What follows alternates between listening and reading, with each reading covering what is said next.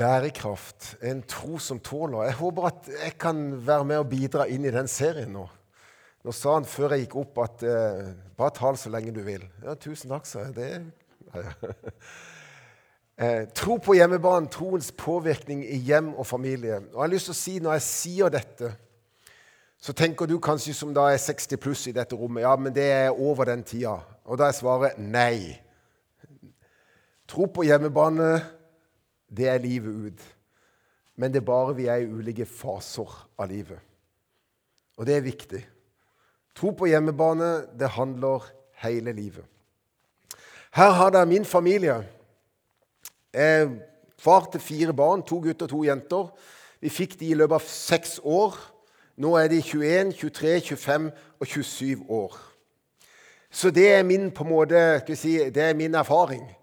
Det å prøve å oppdra og ta med meg eh, fire unger på seks år gjennom den fasen av livet. Eh, og leve ut et liv med tro på hjemmebane. Eh, jeg har lyst til å lese eh, fra Salme 28. Ops, nå hoppa den. Alt, hele talen min hoppa fram. Den gikk sitt eget liv nå. Beklager. Nå har dere hele talen min. Ser dere det? Jeg vet ikke hva som skjer her. Det skal jeg ikke ta, for det skal jeg ta etterpå, for nå skal jeg lese Guds ord. Det er nesten så jeg skrur av den og, og, bare bruker den på der. Så ikke dette, Hvis jeg sier hver gang jeg trykker, så er det dumt. det er veldig dumt. Salme 78. Og så skal jeg lese bare verset før der vi leser der. Det vi har hørt, og det vi kjenner til, det våre fedre fortalte oss, det skjuler vi ikke for deres barn. For neste slektsledd vil vi lovprise Herren. Hans velde og det underfulle han har gjort. Og så kommer det. Han satte opp et lovbud i Jakob og ga en lov i Israel. Han påla våre fedre å gjøre dem kjent for sine barn så neste slektsledd, de barn som siden ble født, skulle lære loven å kjenne. De skulle stå fram og kunngjøre for den for sine barn, så de igjen kunne sette sin lit til Gud og ikke glemme Guds gode gjerninger og holde hans bud.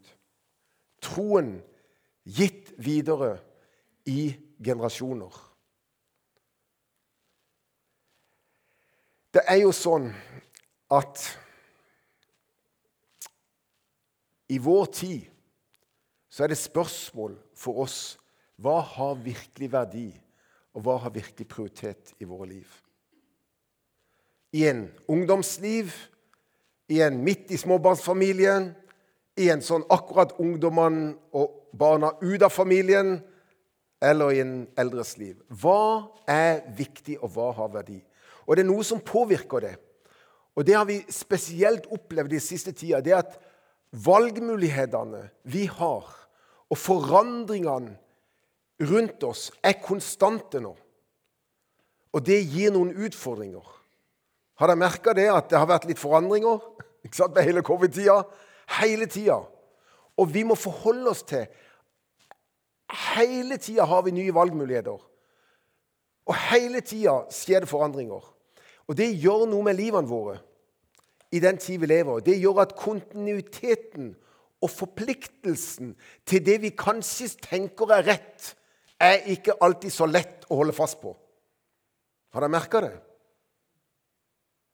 Jeg husker hjemme når vi hadde fire tenåringer på en gang. Så var det ikke så lett å samles rundt bordet og åpne en enkel bibel og be en bønn. Skal jeg være helt ærlig? Linda og meg vi måtte fighte for bare det å samles rundt et måltid. For alt gikk i alle retninger. Men fordi det ikke var lett, så var det for oss rett. Fordi det hadde faktisk en verdi for oss og en prioritet. Men alt tilsa at bare gi slipp på. Bare slipp det ut. Hvorfor holdt vi fast på noe, da? Hvorfor hadde noe verdi? Hvorfor var noe viktig? Jo, en av grunnene til det var en historie som jeg opplevde noen år tidligere. Da satt jeg ned på kjøkkenbenken hjemme. Ungene våre var to, fire, seks, åtte år. Og jeg opplevde at livet var vanskelig, for å være helt ærlig. Jeg opplevde det var kaotisk. Jeg opplevde det var krevende. Jeg opplevde at jeg ikke fiksa livet. Rett og slett.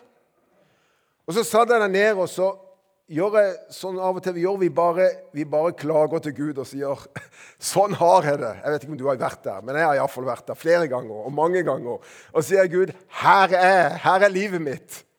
Jeg får det ikke til. Og så, så plutselig så jeg livet mitt som et puslespill utover hele bordet. Og så så jeg meg sjøl prøve å pusle sammen alle brikkene og dra de sammen for å få et pent bilde. Og så fikk jeg det ikke til. Jeg klarte det ikke.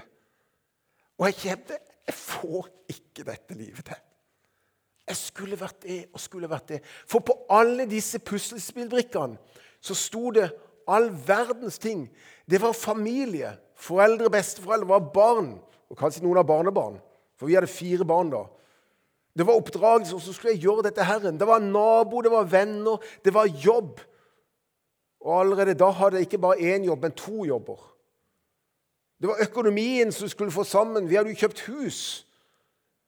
Det var bil. Det var menigheten, for jeg var jo pastor. Og så skulle jeg ha mitt personlige, åndelige liv. Og så var det alle disse brikkene. Og så prøvde jeg plutselig sammen. Og for meg gikk det ikke opp.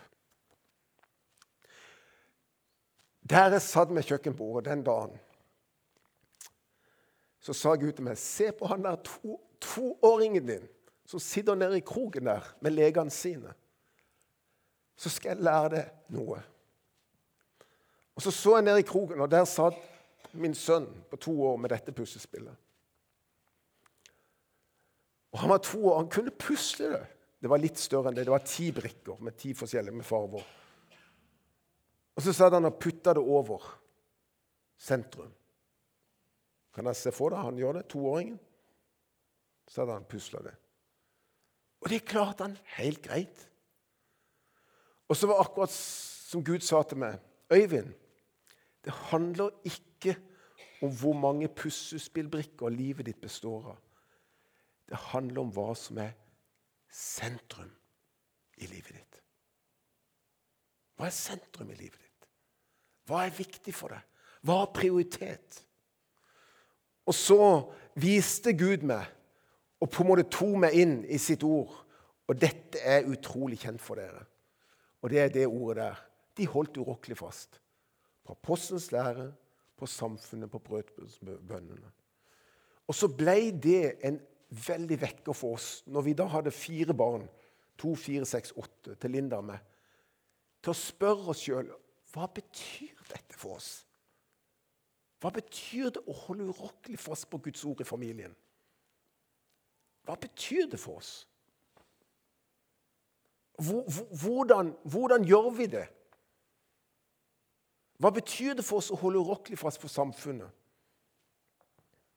Og så gjorde vi noen valg som vi visste ikke er lett å holde fast på. For alt rundt oss sier i grunnen at Gi slipp. Bare slipp opp. Det går ikke allikevel. Gi slipp. Og så husker jeg en historie fra det ordet der 'urokkelig fast'. Det er utrolig sterkt, altså. Er det noen av dere som har klatra sånn fjellklatring eller sånn klatre i sånn fjellvegg? eller prøver, å prøve det? Kan du se for deg at du henger bare i noen få fingre og armene der, og du har mista taket i beinet? Med beina har mista taket, og du henger der. Da holder du urokkelig fast. For du vet at hvis jeg slipper nå, så går det galt. Da holder du urokkelig fast. Eller jeg husker en gang, en gang Mange ganger. Det, var, det, det, er en annen tid. Når jeg vokste opp, så sto jeg sammen med min mor. Og så strakk vi disse her halvtørka lakenene. Jeg vet ikke om noen av dere gjorde det i sin tid. Så, så, de var liksom ikke helt tørre, men litt sånn fuktige, så strakk vi de. Og så er jeg, vet du, som en liten sånn seks-åtteåring som holdt fast der, så sier mor nå må du holde fast. Og så dro litt, og så var det rett på gulvet med hele greia. Og så sier hun nå må du holde urokkelig fast. Og knokene mine var hvite, og jeg holdt fast, og vi dro det lakenet. Det er å holde urokkelig fast. Kan jeg se de to bildene der? Det er så mye som gjør at vi gir slipp på det. Hva, hva betydde det for oss dette med Guds ord, da? Jo, for oss var det jo det å få det ordet på bordet. Og vi sa til ungene våre Slapp av. Dette er vårt prioritet. Hvis ikke dere vil, så er det greit. Men vi vil. Og siden det er vi som sånn sett er foreldrene her og har litt ansvar her, så gjør vi det. Om vi leste en annen dag, så sa vi det er helt greit hvis jeg bare vil lukke igjen årene, så bare gjør det. Lukk igjen. Greit. Men vi gjør det. Og når vi ba, så sa vi det er helt greit ungene ikke be. Hvis de ikke føler for det, la være å be. Men vi vil be. Vi ville gi stor frihet. Ingen tvang til våre egne barn. Og når de hadde vennene med seg, og vi ville be, så følte de var flaue. Så sa jeg det er helt greit at dere er litt flaue, men vi ber.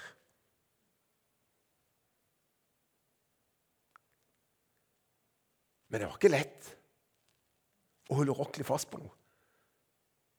Og av og til glipp av det. Men én ting som var det viktigste for Linda og meg som foreldre, det er at vi hadde et samfunn.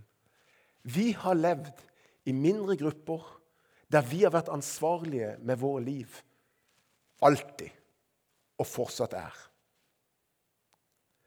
Og vi er så glad for det, for når barna kom opp i tenåringene, så var det sånn at noen visste hva som skjedde var inni vår familie. Og vi hadde noen kjempeutfordringer. Og Det kan jeg si nå, og jeg kan si det ganske åpent uten at det går i detaljer. Men poenget vi hadde utfordringer med å se, spesielt i tenåringene. Og etterpå nå, når ungene har vokst opp, så har vi sittet med hver enkelt av ungene våre og sagt åssen har det vært å vokse opp i vår familie. Og de har vært dønn ærlige med oss. Og det er befriende. Hver unge har vi tatt for oss. Åssen har det vært å vokse opp i vår familie? Vær ærlig. Det tror jeg er viktig for hver foreldre som sender ungene ut. Se de i øynene og la de få lov til å være ærlige med åssen det har vært. Men når de var i tenåringene, så hadde vi så mye hjelp i andre voksne som så våre barn. Som var samfunnet rundt. Som var menighetsfamilien. Men det hadde ikke skjedd hadde ikke vi som voksne forplikta oss inn i et fellesskap der andre visste hva som skjedde inni vårt hjem. Vi, vi anga ikke alle barna våre. Men vi fortalte hva som vi opplevde var utfordringa våre. Vi fikk forbønn og ble bedt for. Og vi levde faktisk opp vårt liv i familiegrupper til ungene var 12-13-14 år. Der vi levde tett sammen med andre mennesker. Og jeg vil aldri, aldri ha valgt bort det for vår familie. Det er et privilegium å bli avslørt hver gang du kommer sammen med andre. For ungene avslører deg med en gang. Gjør jo det. Hvis du har fire unger og kommer sammen med fire og fem andre familier, og alle ungene er der, da er du avslørt. Det er deilig. For du trenger ikke å gå inn i sånn religiøst liv der du prøver å vise at du er fantastisk flink kristen. Du bare kan leve et liv der du trenger Guds nåde hver dag. Det er så deilig å ikke late som å prøve å være religiøs og prøve å være kristen, men leve livet som det er under Guds nåde. Det er bare så mye deiligere. Og Jeg har lyst til å si det, for det handler litt om Hvis du gir det store bildet og det større bildet Og dette er hvorfor også er litt motivert for skole. For på en måte så har du kirka, det er det vi er sammen om her. Og så har vi hatt dåp, og deres foreldre er Fantastisk. Men dere er ansvarlige for deres familie og deres barn som mor og far. Og Vi kan liksom ikke, vi ikke abdisere fra det. Sant? Så du har på en måte misjonsbefalinger som vi hørte, å gå og lære å døpe og gå ut med evangeliet, som er kirkas befaling. Men så har vi også en annen befaling, som vi har foreldreoppdraget. Så det ene er misjonsoppdraget, men foreldreoppdraget det er at disse bud som jeg gir deg i dag, skal du bevare ditt hjerte, og du skal gjenta dem for dine barn. Det er foreldreoppdraget. Og hør her det er besteforeldreoppdraget. Det er oldeforeldreoppdraget. Og jeg sier Vet du, jeg sier, jeg sier hør, dette, Du får unnskylde meg hvis du syns dette er galt å si, men jeg sier til, jeg sier til de som er besteforeldre i menigheten hos oss, sier du, med god samvittighet, vær vekk fra en gudstjeneste.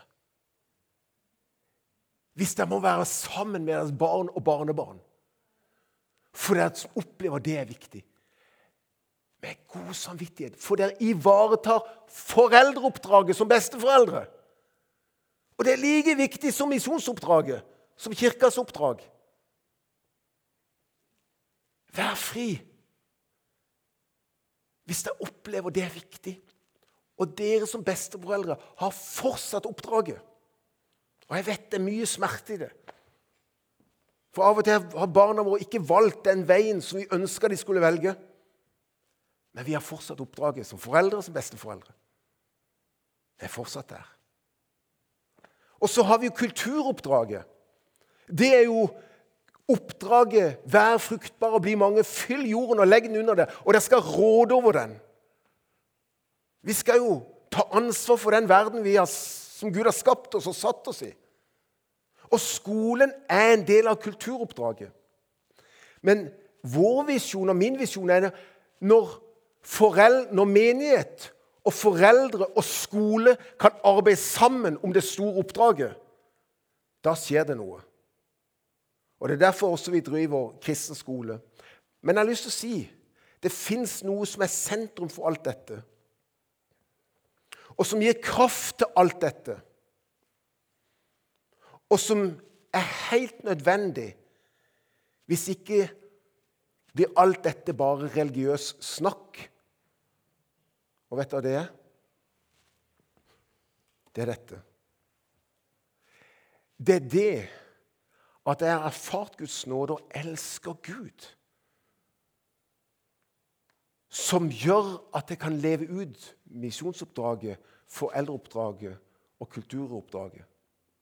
Det er det som er kjernen. Hvis ikke så blir det fort bud og regler og måter å leve på framfor et liv som kommer innifra.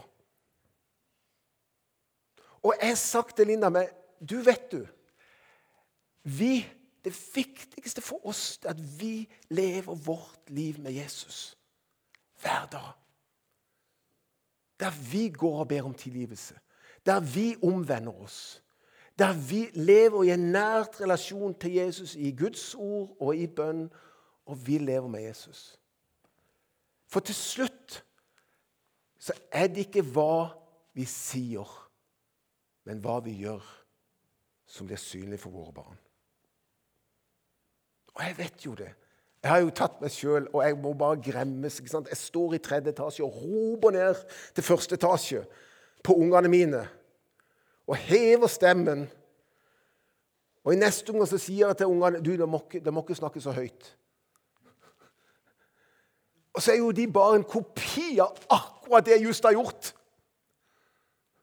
Det er jo bare sånn det er. For de jo ser hva vi gjør.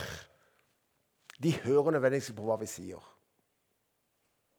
Men det er hva vi gjør, og vårt liv som er kobla til det sentrum der, det dobbelt kjærlighetsbud, som er avgjørende. Hvis ikke så blir det fort religion og religiøsitet og bud og regler som en skal leve opp til. og ikke et liv under Guds nåde og Guds himmel. Men det er jo det vi ønsker. Og det er dette, det store kjærlighetsbudet, som gir virkelig kraft til alle de andre. Og det er derfor Når vi snakker om kristen skole, så snakker vi om disse tre tingene. Kulturoppdraget for oss ja, vi skal være en kunnskap. Og Oasens skole er faktisk kjent til å være dyktige på kunnskapsformidling. Og vi har alltid hatt mange flere av ulike utfordrende elever, av, P og Q og alle disse bokstavelevene. Alltid hatt flere enn det andre skoler har hatt. For Oasen skole har ofte vært siste redningsplanke for en gutt eller jente. Til å kanskje kunne klare det. Men vi har kjempefokus på kunnskap. Vi skal ha dyktige pedagoger og dyktige lærere. Men vi har noe mer. Vi har karakter. Vi ønsker at Guds ord skal forme. Og Da betyr det jo også for oss at lærerne lever med den kjærlighetsbudet i midten der. For vi kan ikke si at Hør det som står, men ikke se på meg hvordan jeg lever. Skjønner dere hva jeg sier nå? Og Derfor er det viktig for at lærerne våre lever i henhold til også det Guds ord sier. Og så har vi kjennskap og kjennskap til Jesus Kristus. Og Dette er våre tre K-år som vi ønsker skal gjennomsyre, og som faktisk på mange måter gjennomsyrer oasen, de seks oaseskolene vi har der nede i Kristiansand. For vi tror det er viktig. Og når vi kan sammen med skole og sammen med foreldre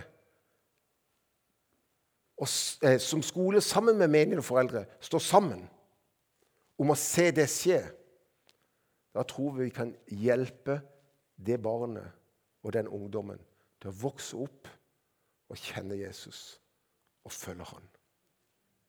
For hør her Hvis dere, mange av dere har lest Gamle Testamentet, og nå leste Salme 78 Fordi at Og jeg leste 5. Mosebok, kapittel 6, foreldreoppdraget. Hva er sentrum for den jødekristne tro? Ja, det var Javé. Men hvem var sentrum? Det var dette. Det var barnet. Det var neste generasjon. For jødene visste at hvis ikke vi gir troen tilbake, og gir troen videre til neste generasjon, så er vi døde innen tre generasjoner.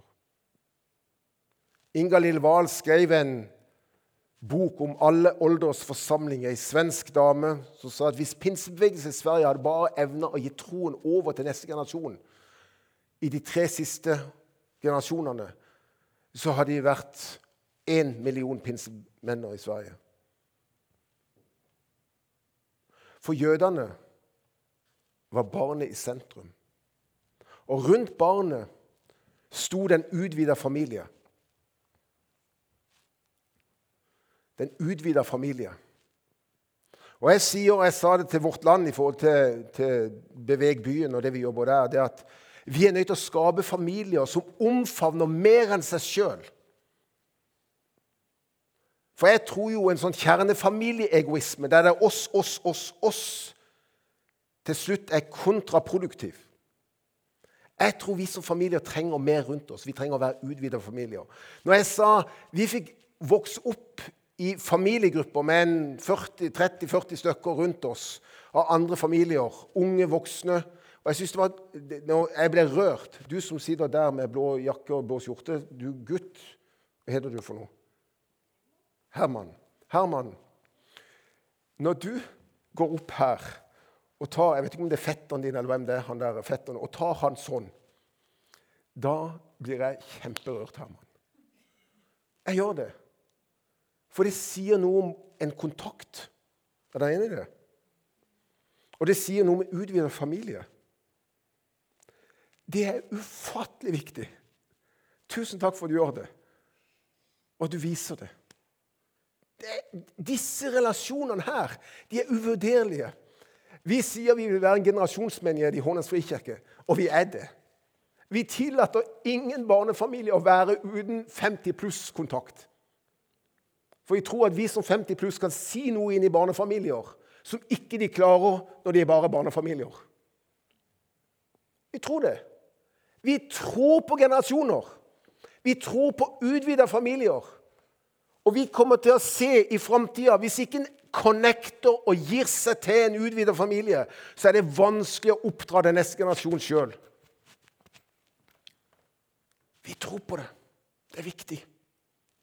Og sånn var jødene. Derfor samles de som sabbat hver fredag. Utvida familie, 20-30-40. Storfamilien pluss innvandrere, og flyktninger og andre. Og så feirer de hva Gud gjorde. Og det er sånn som er det bildet. Og i framtida så er dette framtidens menighet. Og så samla de mer. De samlas i stammen. Israel hadde tolv stammer. Til stor feiring med stammen, fellesskapet. De hadde en tilhørighet et sted.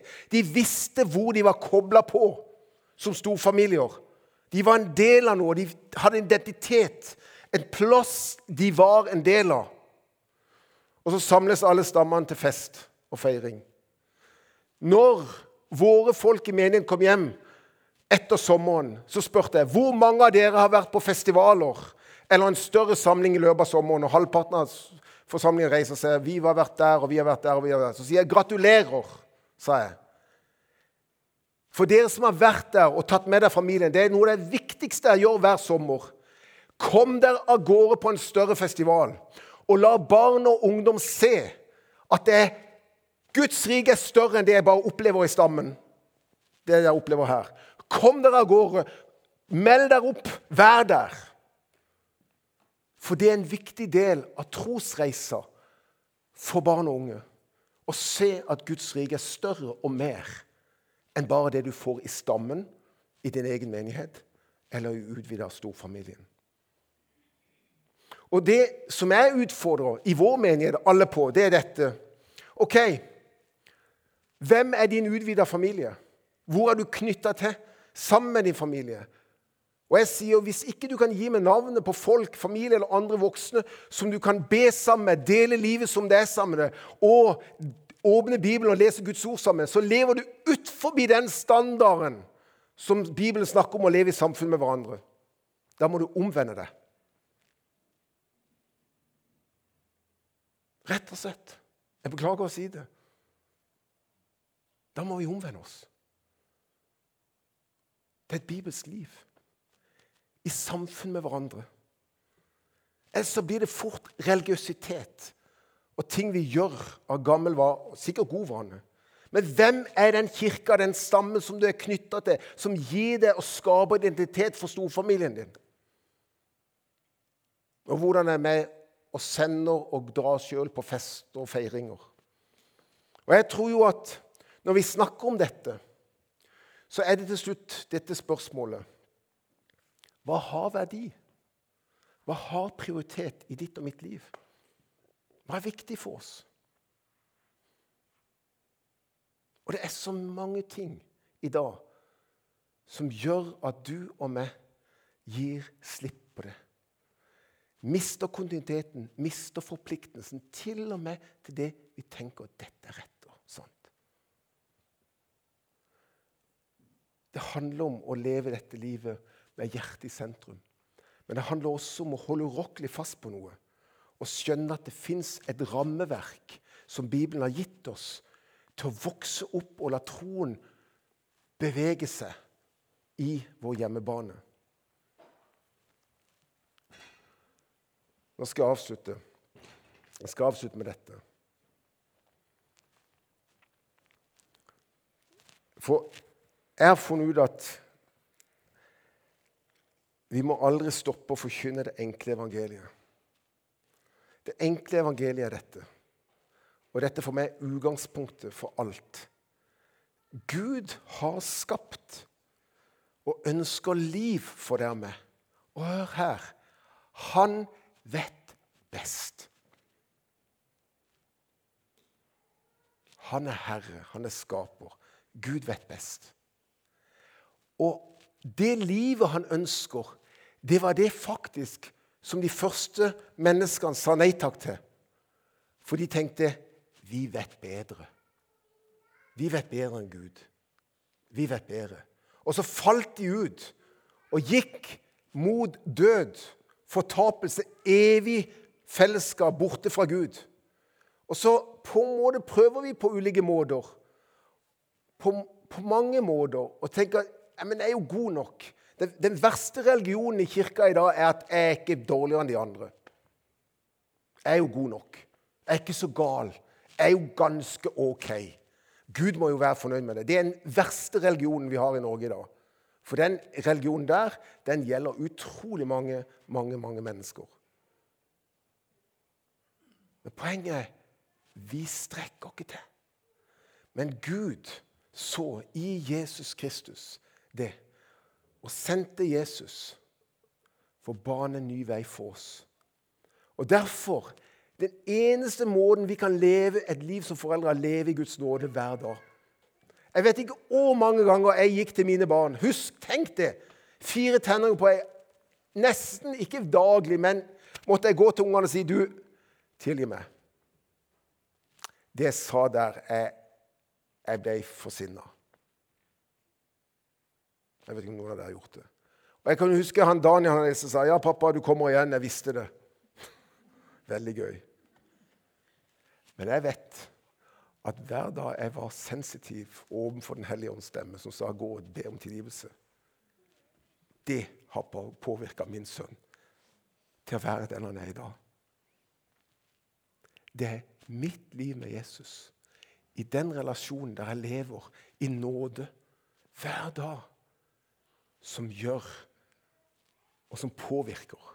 Med en gang jeg prøver å leve et religiøst liv der jeg skal være god nok eller flink nok, et etter han, og jeg prøver å forsvare mitt ytre og si jeg er ikke en god foreldre, og så prøver å dekke over det som skjer der, og så ingen må jo vite hva som skjer her hjemme, da er det gule lys. Da er det gule lys. For dette livet lever vi bare ved Guds nåde og ved Den hellige ånds kraft. Så han førte oss inn til dette livet, og Gud vet best. Han er herre over alt. Han er herre over alt. Og han er skaper av alt. Han vet best. Og i den personlige relasjonen med Jesus så kan jeg være en mor og være en far. Og i den personlige relasjonen med andre rundt, der jeg gir meg til en utvida familie, til en stamme, så får jeg den hjelp jeg trenger. Jeg kunne aldri klart det alene. Jeg er altfor svak. Jeg er altfor Jeg vet ikke. Jeg trenger Guds nåde. Og jeg trenger den nåde som andre rundt meg viser, når jeg får lov til å være åpen og ærlig med mitt liv. Jesus, takk for din nåde at uansett hva som opplevelser den enkelte sitter med her, så sier ikke du 'ta deg sammen'. Du sier 'kom, du som strever og har tungt å bære', og jeg skal vise en annen vei.